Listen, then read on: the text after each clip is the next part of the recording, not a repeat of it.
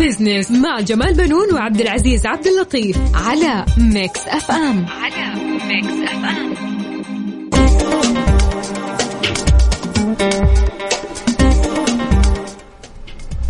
أهلا ومرحبا بكم مستمعينا. أنا جمال بنون أحييكم من Mix FM وبرنامج Mix Business. وأرحب بزميلي عبد العزيز عبد اللطيف الذي يشاركني التقديم. مرحبا عبد العزيز. مرحبا أستاذ جمال ومرحبا بكم مستمعينا في حلقة جديدة من Mix Business. هذا البرنامج يأتيكم كل أسبوع في نفس هذا الوقت.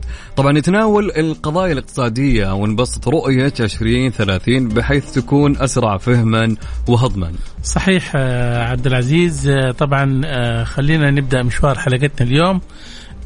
أسبوع طبعا حافل عبد العزيز بالتشاورات الخليجية. قادها ولي العهد الأمير محمد بن سلمان شملت دول الخليج سلطنة عمان الإمارات العربية المتحدة قطر مملكة البحرين الكويت. اللقاءات التي جمعت قادة الخليج مع ولي العهد ومراسم الاستقبال والترحيب لم تكن مفاجأة لنا كسعوديين لأننا نعرف مكانتنا في قلوب إخوتنا في الخليج ومكانة قيادتها. الجولة أثمرت عن العديد من التشاورات وتوحيد الرؤى والسياسات.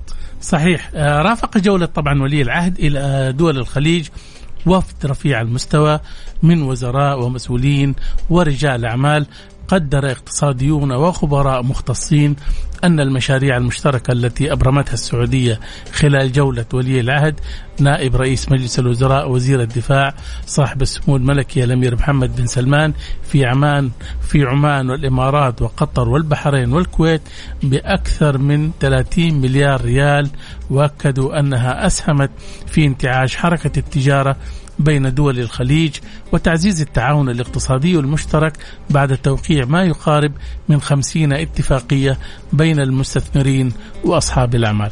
طبعا المكاسب, المكاسب الاقتصادية التي تحققت خلال الزيارة سيكون لها تأثير مباشر على عمق التعاون في جميع المجالات وستساهم في توحيد الصف والرؤى وزيادة الاصطفاف ضد أي تحديات خارجية من خلال منظومة مشتركة. بالتواكب مع القمة الخليجية التي تشهدها الرياض في الأيام المقبلة. صحيح عبد العزيز والجولة الخليجية طبعا آه، كانت المحطة الأولى في سلطنة عمان حظيت بزخم كبير باعتبارها شهدت أكبر عدد من الاتفاقات علاوة على أنها الزيارة الأولى لولي العهد لسلطنة عمان وبالتالي تعددت مكاسبها الاقتصادية والتجارية للبلدين والشعبين. الشقيقين. وجرى توقيع 13 اتفاقية تجاوزت قيمتها 10 مليارات دولار خلال زيارة سلطنة عمان للعمل المشترك في مشروعات محددة ضمن القطاعات الاقتصادية الواعدة. شملت قطاعات النفط والطاقة والصناعات البتروكيماوية والخدمات اللوجستية البحرية والبرية والتعدين والمشروعات العقارية والصناعات الغذائية آه، استزراع الجمبري. أيضا الحدث الأكبر كان افتتاح الطريق البري آه، الرابط بين البلدين منفذ الربع الخالي الذي من شأنه طبعا أن يسهم في تقليل زمن ومسافة الرحلة بين البلدين الشقيقين وتسهيل حركة وعبور المواطنين من كلا البلدين كما سيسهم الطريق الجديد أيضا في فتح المجال أمام حركة البضائع من السعودية مرورا بالطرق البرية في السلطنة ووصولا إلى موانئها التي ستسهل تصدير البضائع السعودية والعمانية إلى العالم. أبرم ملتقى الأعمال السعودي الإماراتي مجموعة من المشروعات المشتركة بحجم استثمارات وصل 10 مليارات ريال بحضور عجلان العجلان رئيس اتحاد الغرفة السعود السعودية وعبد الله المرزوقي رئيس اتحاد غرف أبو ظبي ومن أبرز الاتفاقات التي شهدتها زيارة الإمارات اتفاقية شركة البواني القابضة السعودية وشركة إبرايم الإماراتية في مجال الاستشارات الهندسية. إلى جانب اتفاقية ثانية جمعت بين الشركة السعودية السحاب للاستثمار والشركة الإماراتية ماجستيك جروب بشأن الاستثمار في المدن المتكاملة. وأيضا عبد العزيز زيارة ولي العهد إلى الكويت أعطت آه، دفعة كبيرة للنشاط التجاري بين البلدين حيث بحث ملتقى أصحاب الاعمال السعودي الكويتي سبل تطوير العلاقات الثنائية بين البلدين وزيادة التعاون بين قطاعي الأعمال في البلدين الشقيقين في كل المجالات الاقتصادية والاستثمارية وبما يواكب رؤية المملكة 2030 ورؤية الكويت 2035 آه، وانطلاق المجلس التنسيقي السعودي القطري برئاسة ولي العهد وأمير قطر والتوقيع على البروتوكول المعدل لإنشاء المجلس وتوقيع أربعة اتفاقات بين السعودية والبحرين خلال جولة المنامة والتشديد على استكمال العمل على المبادرات المطروحة كافة بين البلدين وعددها 65 مبادرة. Mix Business مع جمال بنون وعبد العزيز عبد اللطيف على Mix FM على Mix FM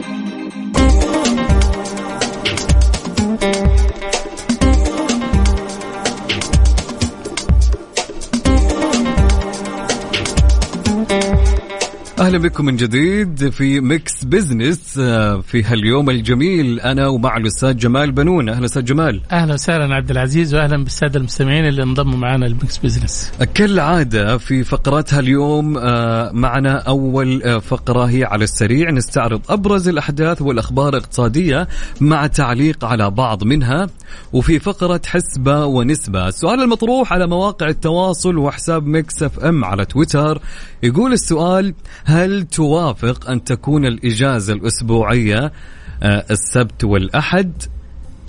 الاختيارات ثلاث اختيارات. الخيار الأول لا إطلاقا. الاختيار الثاني محايد. الاختيار الثالث نعم. أو الاختيار الرابع أوافق إذا كانت مصلحة وطنية. أوكي طب إيش رأيك أستاذ جمال؟ اليوم نبي نأخذ رأيك. طبعا شوف أنا أقول لك حاجة. أنا أؤيد لأي تغيير تمام. آه، في مصلحة وطنية. جميل. اليوم إحنا يعني آه، الأسواق السعودية أسواق مفتوحة مع دول العالم كلها. ولا تنسى إن اليوم أنت عندك استثمارات أجنبية بتدخل وعندك أنت شركات أجنبية موجودة. أنت أنت مربوط بالأسواق. فبالتالي أي تعطيل يعني آه، يت يعني آه، يتعارض مع الأسواق العالمية فبالتالي هذا تعطيل لك أنت. أنا أشوف إنه يعني متى ما كانت المصلحة الوطنية يعني تستوجب تحويل الإجازات إلى سبت واحد آه، ليه لا؟ ولكن انت لا تنسى إحنا كمجتمع يعني آه، أيوه. يوم الجمعة ده يوم مقدس عندنا. صحيح. الناس تحتفل بيوم جمعة الأهل ويوم مبارك شايف؟ ويوم فضيل. فبالتالي صحيح. لما يعني تحولوا إلى يوم عمل رغم إنه كثير من الدول حولته إلى نص دوام صحيح. وفي بعض الدول آه، مثلا الشارقة الشارقة ألغت يوم الجمعة العمل وبالتالي صار عندها ثلاثة أيام إجازة مو يومين وأربع أيام عمل زودوا ساعة ونص في في الدوام اليومي وبالتالي يعني تجربة خلينا نعيشها. تمام طيب. طبعا في فقرة اليوم معنا في أهل الثقة معنا الدكتور ماجد قاروب محامي ومستشار قانوني راح يكون معنا اليوم ضيف في الاستوديو إن شاء الله.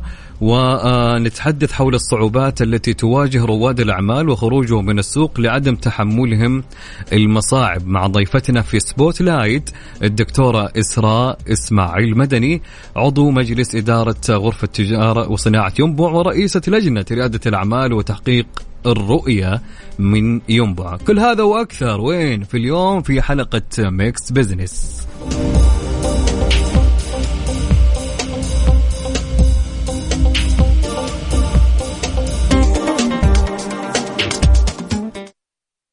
أهل الثقة. ضمن Mix Business على Mix FM على Mix FM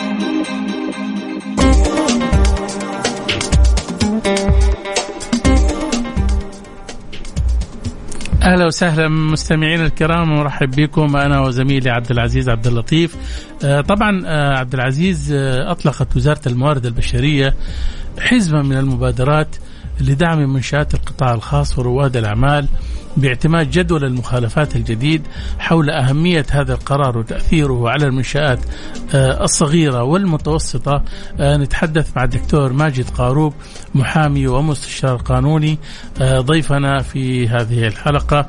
أهلا وسهلا بك دكتور ماجد في Mix Business أهلا وسهلا السلام عليكم. فرصة سعيدة وحقيقة أهنيكم بإعادة تأسيس الاستوديو وإن شاء الله مستقبل زاهر ودائم لهذه القناة وهذا البرنامج. شكرا لك طبعا هذا بناء على طلب المستمعين اللي دائما يعني يتابعونا.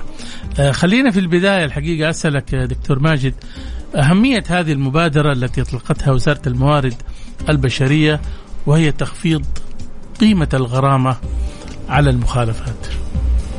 شوف اسمح لي أول شيء حضرتك والمستمعين الكرام اللي أحييهم بدقيقة آه لأخذ الصورة الكلية الموضوع ليس مجرد تخفيض غرامة أو أو تكبير غرامة أو شيء من هذا القبيل.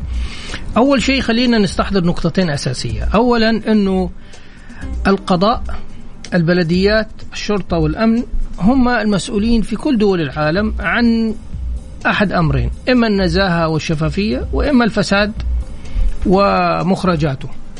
فهذه النقطة الأولى، النقطة الثانية أنه لا يمكن أنه ننظر إلى أي قرار اليوم في في في مخرج عن الصورة الشاملة اللي نعيشها وهي مرحلة تصحيحية تطويرية إحنا آه، عانينا لسنوات طويلة من الفساد باشكاله وانواعه بما فيها الفساد التشريعي والفساد المؤسسي والشخصي والفردي وبالتالي اليوم لما نيجي ننظر إلى هذا القرار حقيقة أنا لازم أقول عنه نقطتين. اولا أنا أعتبره جراءة تشريعية وجراءة مؤسساتية لأنه هذا القرار لما تيجي جهة تصدر قرار وبعدين تتفاعل مع المجتمع وتحقق ما أرادت أن تحققه في فترة قصيرة جدا إنها تقوم بتعديله واجراءه في إطار من التفاعل مع الغرفة التجارية. يعني الناس قاعدة تطول في الأرقام، أنا أبغاك تقرأ معايا الديباجة.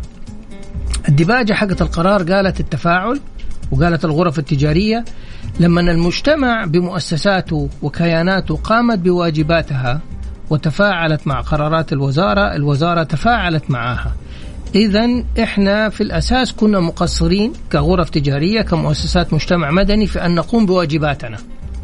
لكن حقيقة أنا ما لي دعوة بهذا القرار، أنا ما ما يعنيني، هذا القرار أنا بالنسبة لي أنت تتكلم ما يعنيك كمستثمر في من رواد الأعمال ولا كقانوني؟ كقانوني نعم ليش؟ لأنه أنا أعتقد أنه هذا القرار بمرحلته أيضا هنا في نقطتين، أنا اليوم في كل شيء عندي نقطتين.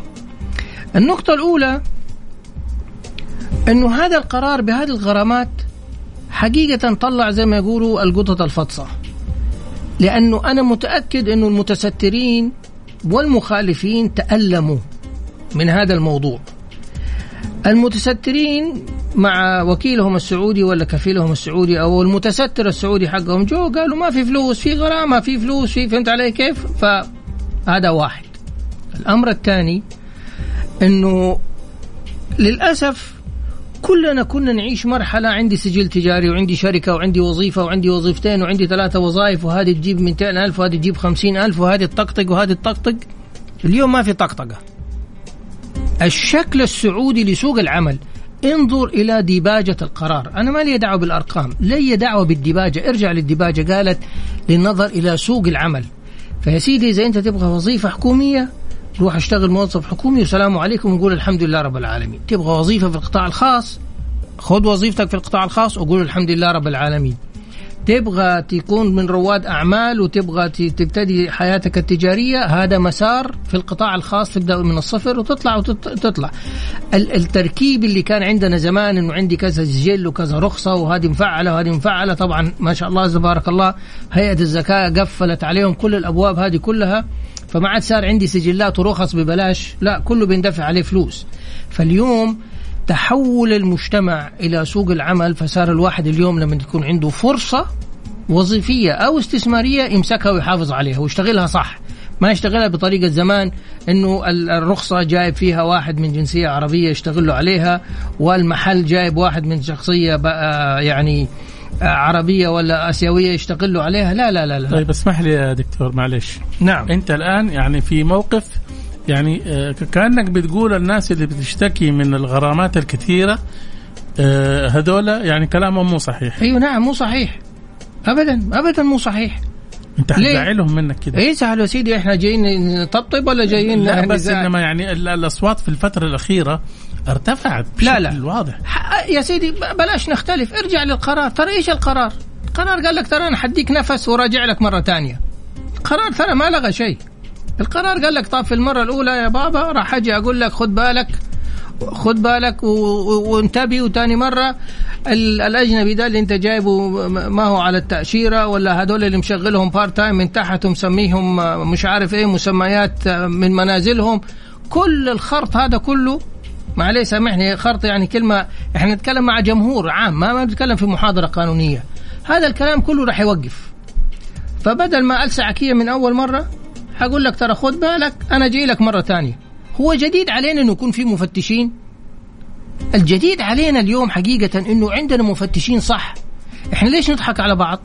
ما المفتشين دول بشكل أو بآخر في كل الجهات الحكومية مو من البلديات موجودين. الفرق اللي كانوا يجوك زمان كنت تتفاهم معاهم على الباب. أما اليوم مفتشين حقيقيين همهم خزينة الدولة ووجاهة الدولة وقوة الدولة وإنفاذ النظام.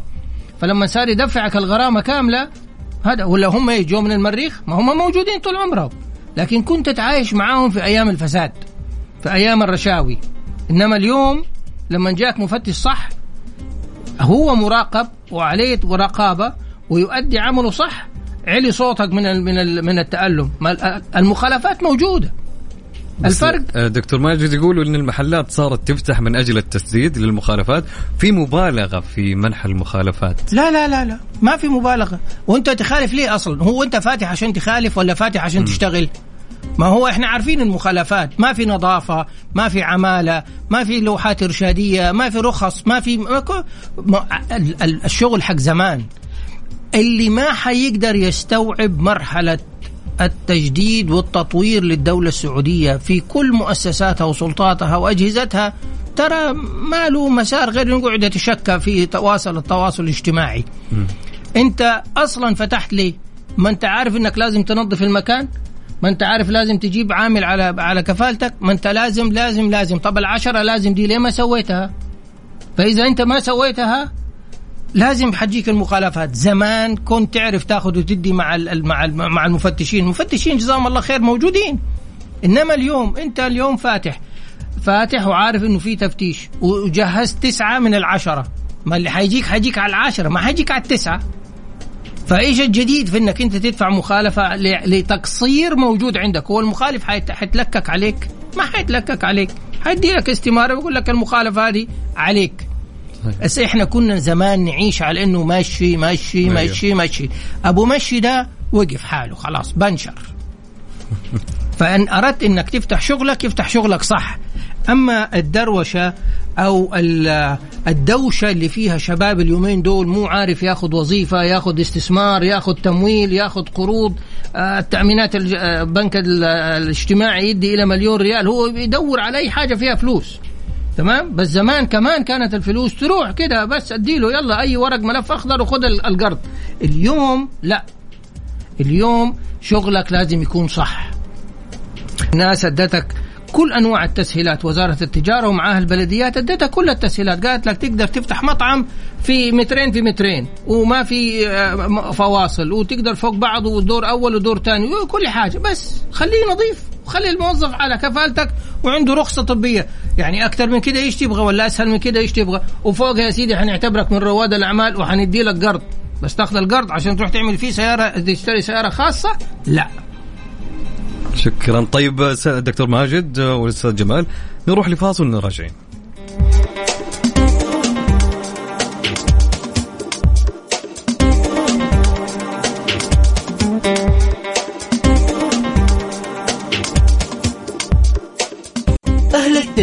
ضمن Mix Business على Mix FM على Mix FM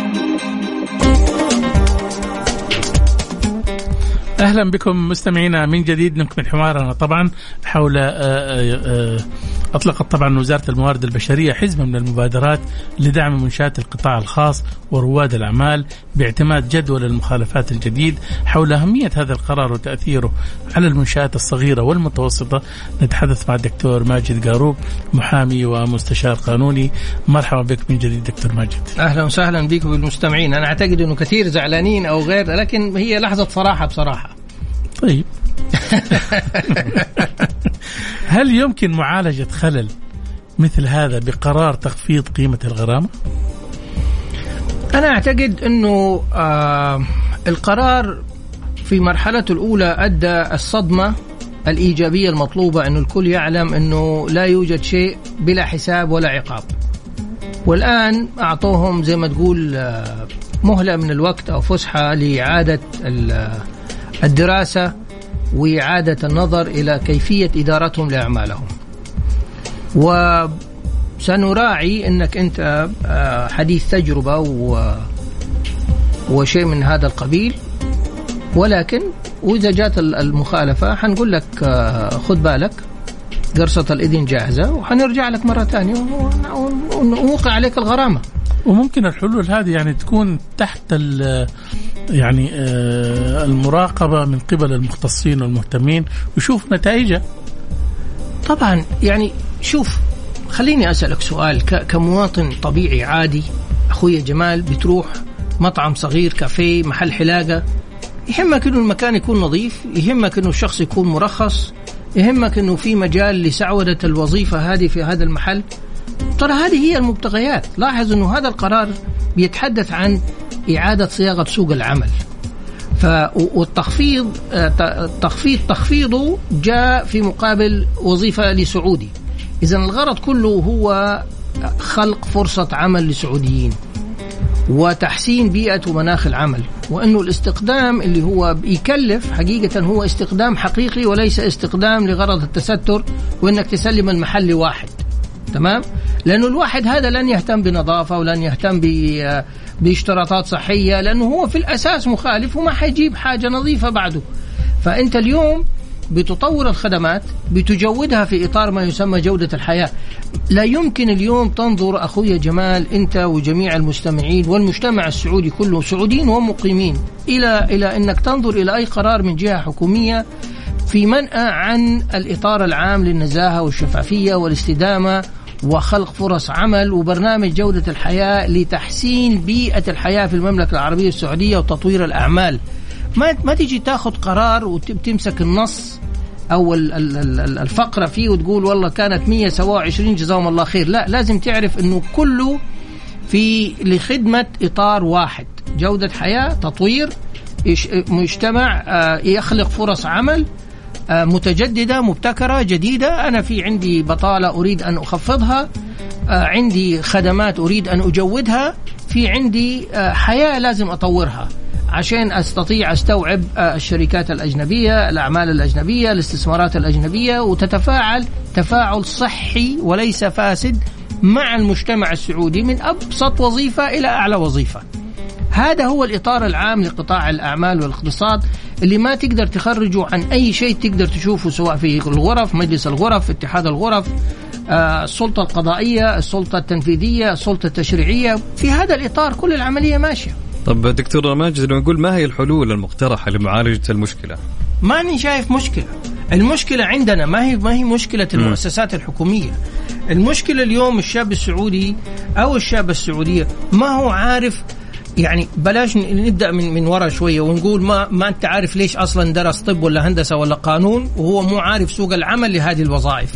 يعني أنا اليوم في عندي بطالة في خريج القانون والشريعة تمام؟ آه والجامعات تخرج حوالي آه عشرة ألاف طالب قانون وشريعة طيب فهمت علي كيف؟ وبالتالي أيوه. تبدأ الممارسات السلبية. يبدأ ياخذ قضايا من ورد الترابيزة يبدأ ياخذ دعوجه يبتدي فهمت علي كيف؟ ويصير عندي هذول الشباب المتخرجين بيدوروا على وظائف أخرى ما لها دعوة بالقانون والقضاء والسلطة القضائية. أه تيجي تقول لهم طب اعملوا شراكات عشان مكاتب المحاماة. ما هو مستوعب أصلا. هو كل الفكرة إنه سمع سمع إنه القانون ده فيه وراه فلوس فيلا نروح وراه فلوس. انت على فكرة هذا الكلام يمشي على كل التخصصات. فأنت اليوم في حاجة إلى إعادة إعادة تهذيب القرارات المتعلقة بالتعليم اللي يجي من بعده العمل والتعليم. طيب وبعد ما يتخرج يصير مو عارف آه يروح يعمل نفسه من رواد الأعمال ويدور على فرصة وتمويل ولا يبغى يروح وظيفة حكومية ولا يبغى يمسك القطاع الخاص لأنه كل واحدة لها آه حالة نفسية مع مع نفسك. آه فإذا رحت في لسه ناس وعوائل وبيوت يقول لك الوظيفة الحكومية مهما تغيرت الدنيا وطلعت لازم تروح عليها. طيب في وظائف أخرى وصلت إلى 50 و70 و100 و150 ألف ريال رواتبها في القطاع الخاص. ما تبغاها. بس هذه عشان تروح لها كونك خريج جامعة ما يكفي. ال talent ال skills. لازم تطور نفسك. فلا لا تتخيل إنك أنت تقدر تلاقي الوظيفة بمجرد حصولك على البكالوريوس. نعم. لسه في كمبيوتر ولغة وإنجليزي ولا لا لا 60 ألف قصة ربما يكون البكالوريوس أضعف حاجة فيها. فبالتالي أنت اليوم عشان نتكلم عن سوق عمل ومناخ عمل. وبعدين سمو الأمير محمد بن سلمان قالها في وضوح تام في في اللقاء حقه. قال إنه قطاع السياحة والضيافة حيستوعب 3 مليون وظيفة في 10 سنين. مليون وظيفة ممكن نعبيها بسعوديين ولكن في 2 مليون تحتاج إلى كفاءات إلى talent نعم. استخدم نعم. كلمة talent نعم. فال talent هذه من فين تجيبها إلا من تطور آه، خدماتك وتحدد هدفك ف آه، والتطور في هذه الوظائف يحتاج وقت مو من أول يوم حتلاقي ال 20 وال 30 وال 40 50 ألف ريال رواتب صحيح هذا كله ما تقدر تاخذه بعيد عن موضوع المخالفات والغرامات لأنك أنت لما تبغى تفتح المحل اللي تبغى تشتغل فيه كمؤسسة صغيرة ومتوسطة لازم تعرف إنك أنت في وقت عشان تسترجع رأس المال وتعمل السمعة وتعمل الخبرة وتعمل وتعمل وتعمل وتعمل وبعدين بعد خمس سنين ما ما ما كله تعمله من أول يوم أرباح وبيت جديد وزوجة وأسرة صحيح. وأطفال لازم نخطط لحياتنا نعم. هذه الأمور إحنا نفتقدها ولذلك سوق العمل حقيقة قد تكون مشكلته الباحثين عن العمل مع عوائلهم نعم. تمام؟ لأنهم يتدخلوا في القرار. إحنا ما عندنا شاب يأخذ قراره لوحده أو فتاة إلا من تدخل العائلة. فهي في الحقيقة حالة ذهنية جديدة يجب أن نعيشها حتى نستطيع أن نتأقلم مع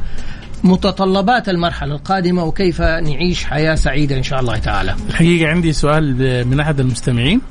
لا يكون زعلان بس. لا لا لا. يقول الجهات اللي بتزور هذه المنشآت لتقييم وسلامة هذه الأنشطة آه، بتستعجل في تسجيل المخالفة.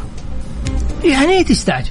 يعني إيش يعني؟ أنا دخلت المحل بدون إنذار لا يا سيدي ما هو مو مطلوب أن أنذرك مو مين قال إن لازم أنذرك؟ أنا دخلت لا ليش طيب بس هذه موجودة في كل مكان إيش هو؟ الإنذار يعني لابد إنك أنت تنذر الشخص قبل ما تعطيه له المخالفة يا سيدي الإنذار موجود بمجرد حصولك على الرخصة لأنه في الرخصة بتكتب إنك أنت علمت بالاشتراطات وملتزم بالضبط. بهذه الاشتراطات الباب سبعة بسبعه الشباك خمسة في خمسة أيوه. المش عارف إيه ستة في ستة وسويت العملية هذه كلها إذا جيت خالفت أجي أقول لك إنذار ليه؟ ما أنت الشروط عارف إيش لازم تسوي من اللحظة الأولى والمفروض إنك أنت لما جيت تفتح مطعم ولا لما تفتح كافيه ولا محل حلاقة ولا أي حاجة عارف إيش المطلوب منك والمواصفات كلها. فإيش الإنذار إيش؟ خلاص أنت عندك الإنذار. أنت عندك الإنذار. لا يعني إنه هو يبغى الرجال يعني تعرف الفكر القديم يبغى الرجال يقول له ترى خد بالك حجي لك المرة الجاية ويتعشى معاه ولا يتغدى معاه وبعدين يجي له في سياره ثانية. هذا كله من الماضي. لازم نعيش المرحلة بما فيها من جدية والتزام. صحيح. وشفافية ونزاهة كاملة. أنا حقيقة لو لو جاء مفتش وقعد يقول له خد بالك ولا تاخذ بالك أنا هعتبر المفتش ده مقصر في عمله. على العموم خطوة وزارة الموارد البشرية تستحق الاهتمام صحيح. في انتظار النتائج. طبعا انتهى وقتنا دكتور ماجد. شكرا لمشاركتك معنا الحقيقة. آه، مستمعينا كان معنا دكتور ماجد قاروب محامي ومستشار قانوني.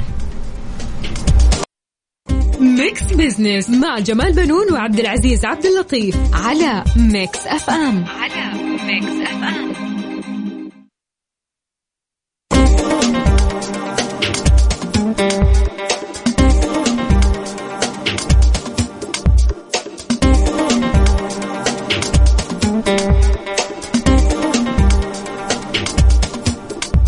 أهلا بكم مستمعينا من جديد في Mix Business في بداية انطلاق مشروعاتهم يتفاجأ رواد الأعمال وأصحاب المشاريع الصغيرة في ببعض الصعوبات وتزداد الطين بلة. حينما تنهال عليهم الغرامات المالية من كل حدب وصوب وبقيمة عالية الأمر آه، يعرضهم للانسحاب من السوق وتكبدهم الخسائر. كيف يواجه رواد الأعمال المصاعب؟ طبعا نتحدث حول الصعوبات اللي تواجه رواد الأعمال وخروجهم من السوق لعدم تحملهم المصاعب مع الدكتوره إسراء إسماعيل آه، مدني عضو مجلس إدارة غرفة تجارة وصناعة ينبع ورئيسة لجنة ريادة الأعمال وتحقيق الرؤية آه، من ينبع. مرحبا بك دكتورة إسراء في Mix Business يا أهلا وسهلا حياكم الله جميعا واهلا وسهلا فيكم. آه، دكتورة إسراء كيف يواجه رواد الأعمال المصاعب؟ آه، أول شيء آه، مبدئيا أول شيء مساء الخير لكم مساء الورد. قبل أنا لا أقول لك كيف حيواجهوا المصاعب أمانة أنا ما أقدر أحمل المصاعب هذه لطرف واحد إن كان رائد الأعمال أو إن كان الجهات المعنية اللي بتشرف على رائد الأعمال هذا. لكن المشكلة الأساسية هل رائد الأعمال جاهز للنزول للسوق أو لا؟ أغلب رواد الأعمال للأسف اللي إحنا بنشوفهم في السوق يا إما يكون داخل الخطوة هذه بدون دراسة أو يكون يعني أخ... ما كان أصلا مقدم عليها ومجهز نفسه. فأنا أتمنى حقيقي يعني يمكن من خلالكم إنه يكون في شوية توعية أول شيء كيف الانطلاقة للمشروع. آه، من جميع النواحي إن كان من الناحية المالية إن كان من الناحية التمويلية إن كان من الناحية القانونية من جميع النواحي. وأظن من الناحية التثقيفية كمان يا دكتور. الدور المفروض جميع الغرف التجارية الموجودة هي خدمة التجار الموجودين. الآن الاتحاد السعودي آه، مشرف حقيقي ومعطي آه، ضوء أخضر لجميع الغرف بعملية التثقيف هذه والإرشاد لرواد الأعمال. إنهم يطلعوا حقيقي انتقاله من رائد أعمال إلى رجل أعمال قياسي من ناحية الدورات أو حتى ورش العمل. وأنا صراحة الشيء اللي أشوف إنه كثير من الغرف التجارية صراحة تقدم على هذا الشيء. لكن مشكلتنا الأساسية هي عدم أصلا حضور رواد الأعمال. يعني الدورة بتقام من قبل الغرفة وبتدفع فيها تكاليف كبيره الغرفة ولا إن كان الاتحاد لكن رائد الأعمال ما بيحضر. بحجة إنه هو فاهم خلاص المشروع وفاهم آه البزنس حقه وهو عارف بيصير. يتفاجأ بعدين ويصطدم بواقع وينسحب. ويلقي اللوم 100% على مين؟ على الجهات إن كان غرف تجارية وإن كانت وزارات. آه. أنا أحب دائما رائد الأعمال لما يعترف بخطأه. إنه هو عبارة عن خطأ مشترك بيننا كلنا. إذا كان أنا قللت من تثقيفي أو إن كان أنت ما حضرت. جميل. دكتور آه، ما هو المطلوب من المؤسسات الصغيرة والمتوسطة يعني حتى لتجاوز المخالفات آه، اللي تكون عليهم؟ صريح أشوف أنا أمانة أنصحهم أول شيء بموضوع المستشار القانوني.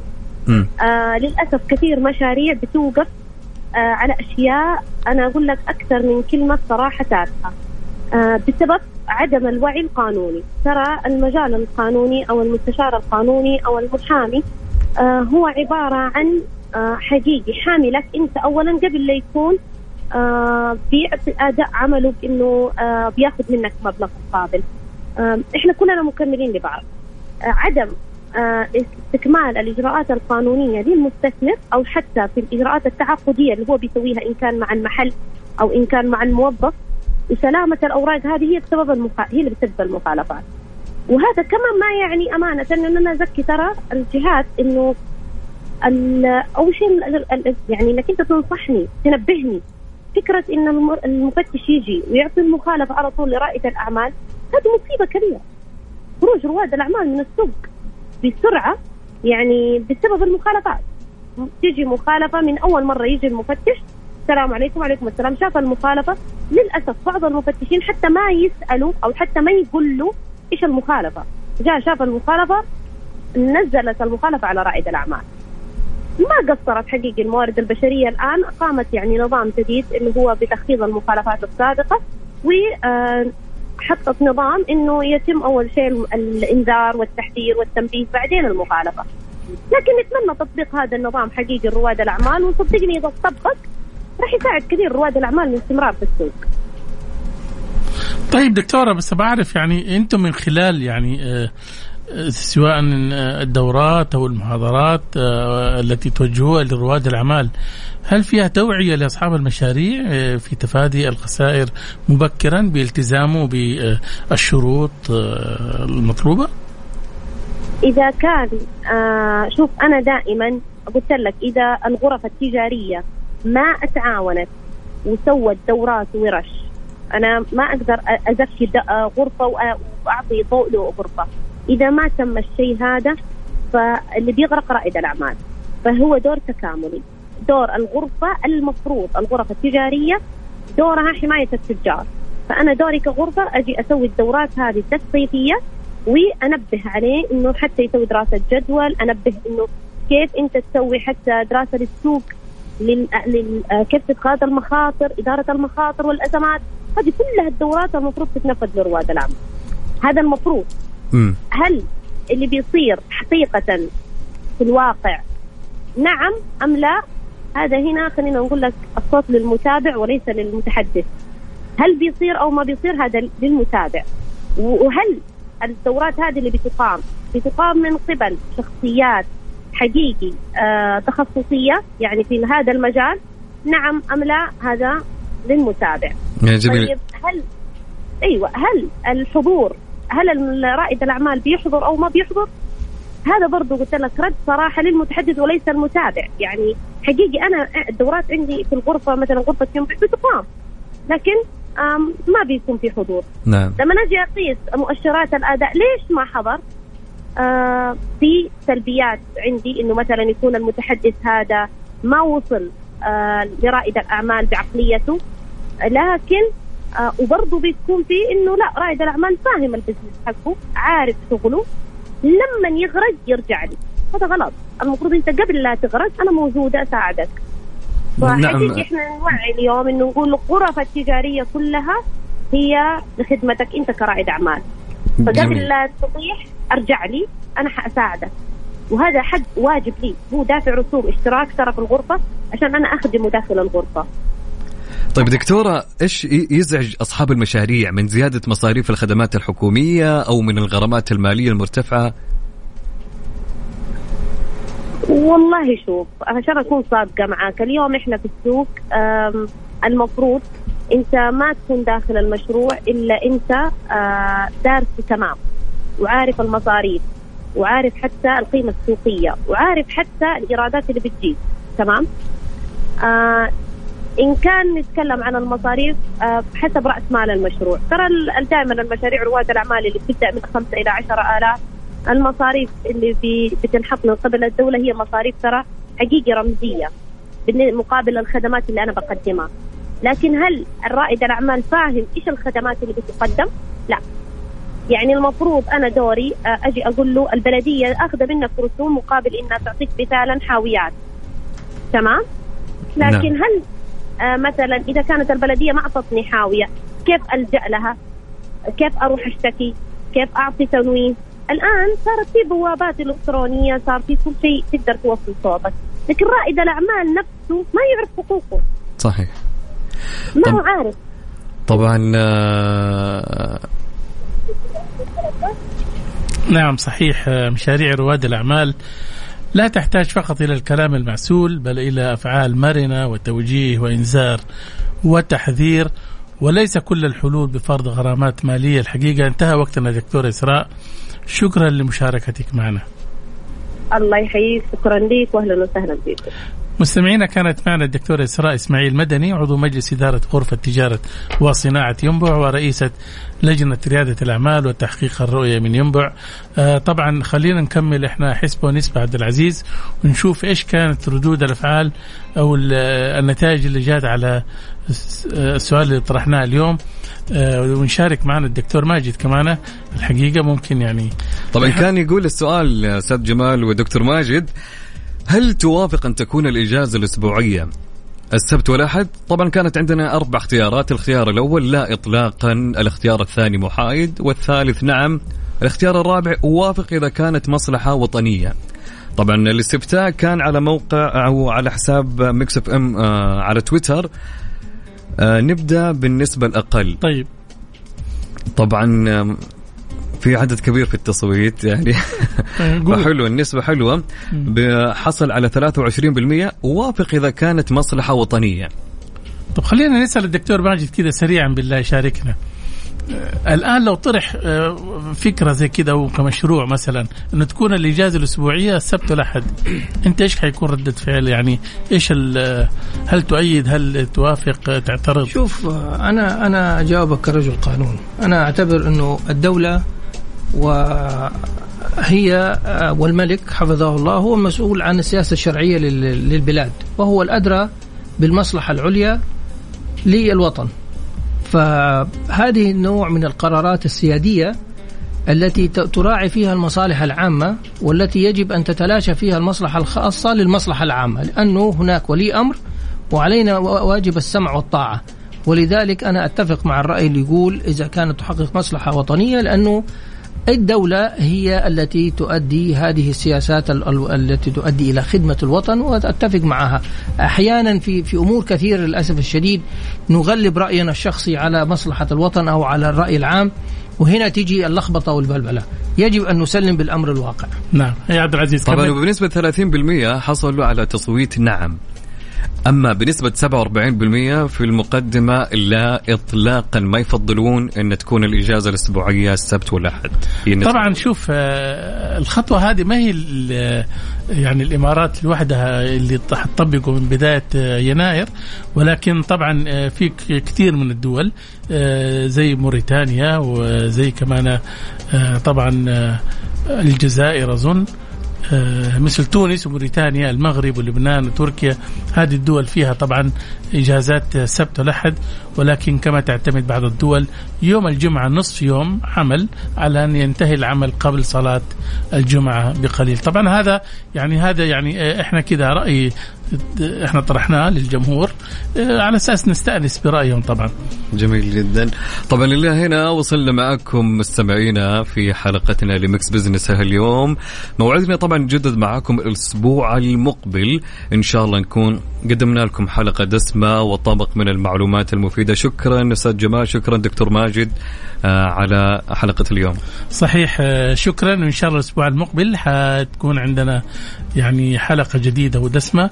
آه، اسمح لي بس أشكر الدكتور إسراء إسماعيل مدني وأشكر الدكتور ماجد قاروب الذي شاركنا في هذه الحلقة. شكرا لكم مستمعينا. في أمان الله.